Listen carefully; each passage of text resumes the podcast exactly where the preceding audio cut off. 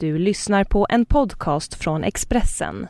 Fler poddar hittar du på expressen.se podcast och på iTunes. Det här är Expressen Dokument om att på nätet står ditt goda rykte på spel av Josefin Elfström som jag, Johan Bengtsson, läser upp. Att lita blint på att folk är de de utger sig för att vara på nätet kan bli ödesdigert. Du kan förlora dina pengar, din identitet och ditt goda rykte.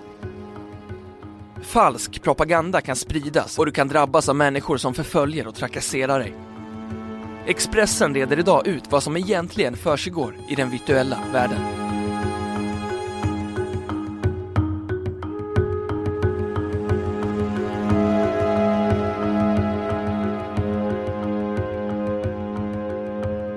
För drygt ett år sedan fick beteendevetaren Nina Jansdotter en chock när hon gick in på sin egen Facebook-sida. En för henne okänd person, som hon godkänt som vän på sajten, hade lagt upp 93 bajsbilder på hennes sida. Efter den händelsen varnar Nina Jansdotter, författare till böckerna Framgång med Facebook och Facebooka smartare, för att folk allt för lättvindigt godkänner vem som helst som vän på Facebook.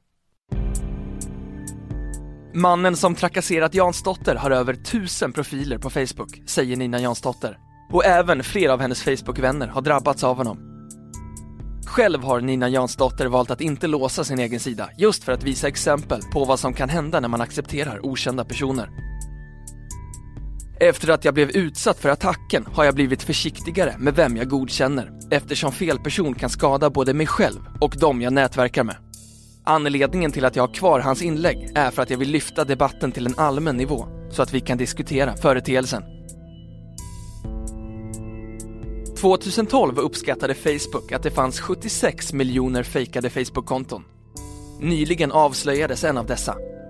Den här gången var det tidningen Metro som kunde slå fast att Facebook-profilen Marcia Karlsson, som påstods ha blivit mördad av två män från en flyktingförläggning, inte existerade. Profilbilden föreställde en helt annan kvinna som var omedveten om att hennes bild användes.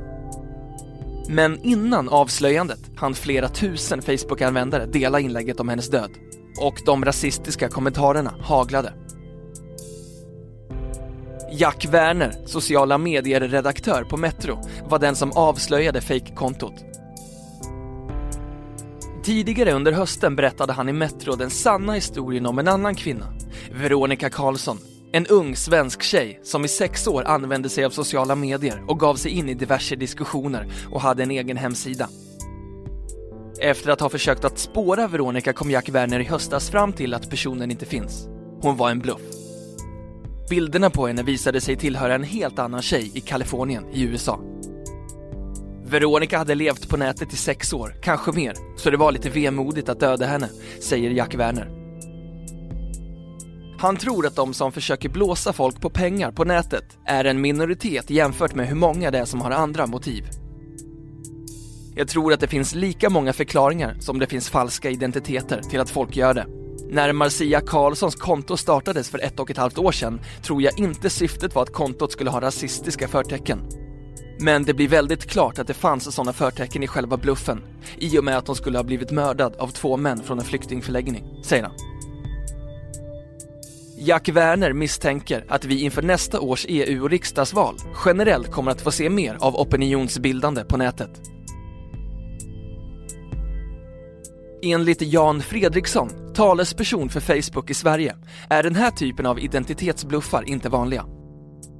Men Facebook har 1,2 miljarder användare, så även om en promilledel är fejkade blir det ändå ett antal, säger han. Huruvida antalet fejkkonton ökat på sistone vågar Fredriksson inte uttala sig om. Han slår dock fast att det går helt emot Facebooks bestämmelser att skapa en falsk profil. Även om det inte juridiskt är ett brott så är det ett brott mot Facebooks regler. Även om vi inte sitter aktivt och skannar av konton utreder vi om vi får in en anmälan, säger han.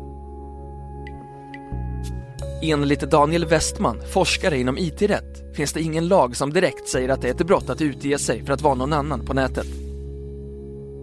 Det finns inget generellt förbud mot att utge sig för att vara någon annan.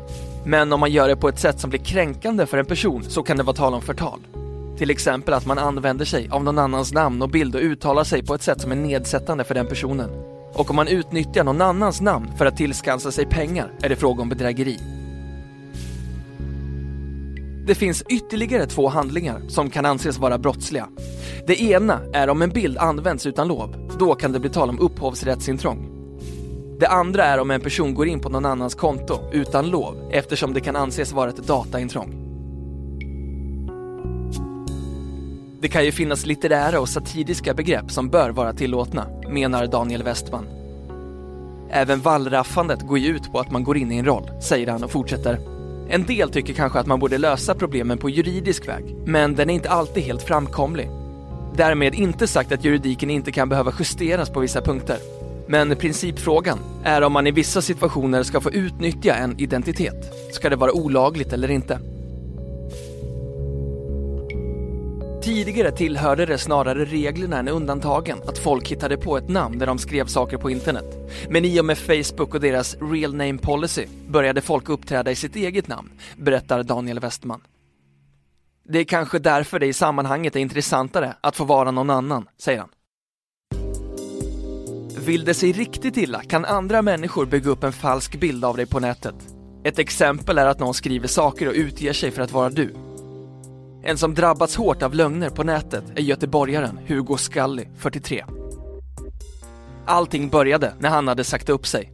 Arbetsgivaren erbjöd Hugo Scully en viss summa för ett visst uppdrag.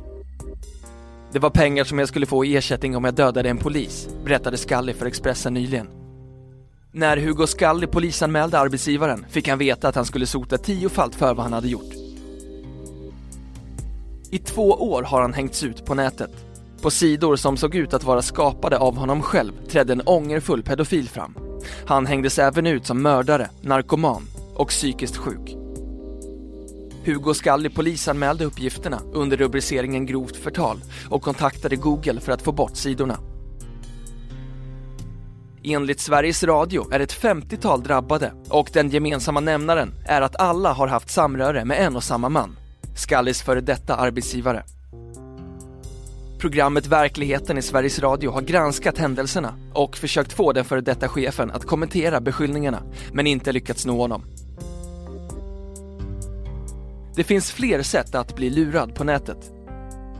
Falska annonser på säljsajter, kapade konton och andra typer av bedrägerier är ett stort problem för polisen. Ofta är gärningsmännen svåra att spåra. Tusentals svenskar drabbas av identitetskapningar varje år. Första halvåret 2013 hade antalet anmälningar om bedrägerier ökat med 24% jämfört med samma period året innan, enligt siffror från Brå. Ett sätt bedragarna använder sig av är att kapa människors Facebook och mailkonton. Enligt polisen kan de då skicka meddelanden i användarens namn, till exempel en vädjan om att få låna pengar till sjukvårdskostnader utomlands eller pengar till flyg hem. Går transaktionen till exempel via West Union kan vi inte se vem som ligger bakom bedrägeriet eftersom mottagaren kan vara anonym, säger Jan Olsson, bedrägerisamordnare vid Citypolisen i Stockholm. Det finns flera skäl till att den här typen av kriminalitet ökar. Många av de här brotten är oerhört enkla att begå och risken att åka fast är mindre. Och om du åker fast riskerar du inte lika hårt straff som om du rånar en person på gatan. Därför blir valet ganska lätt för många vilken typ av brott de ska välja, säger Jan Olsson.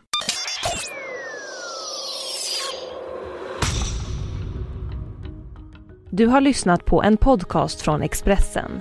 Ansvarig utgivare är Thomas Mattsson. Fler poddar finns på Expressen.se och på iTunes.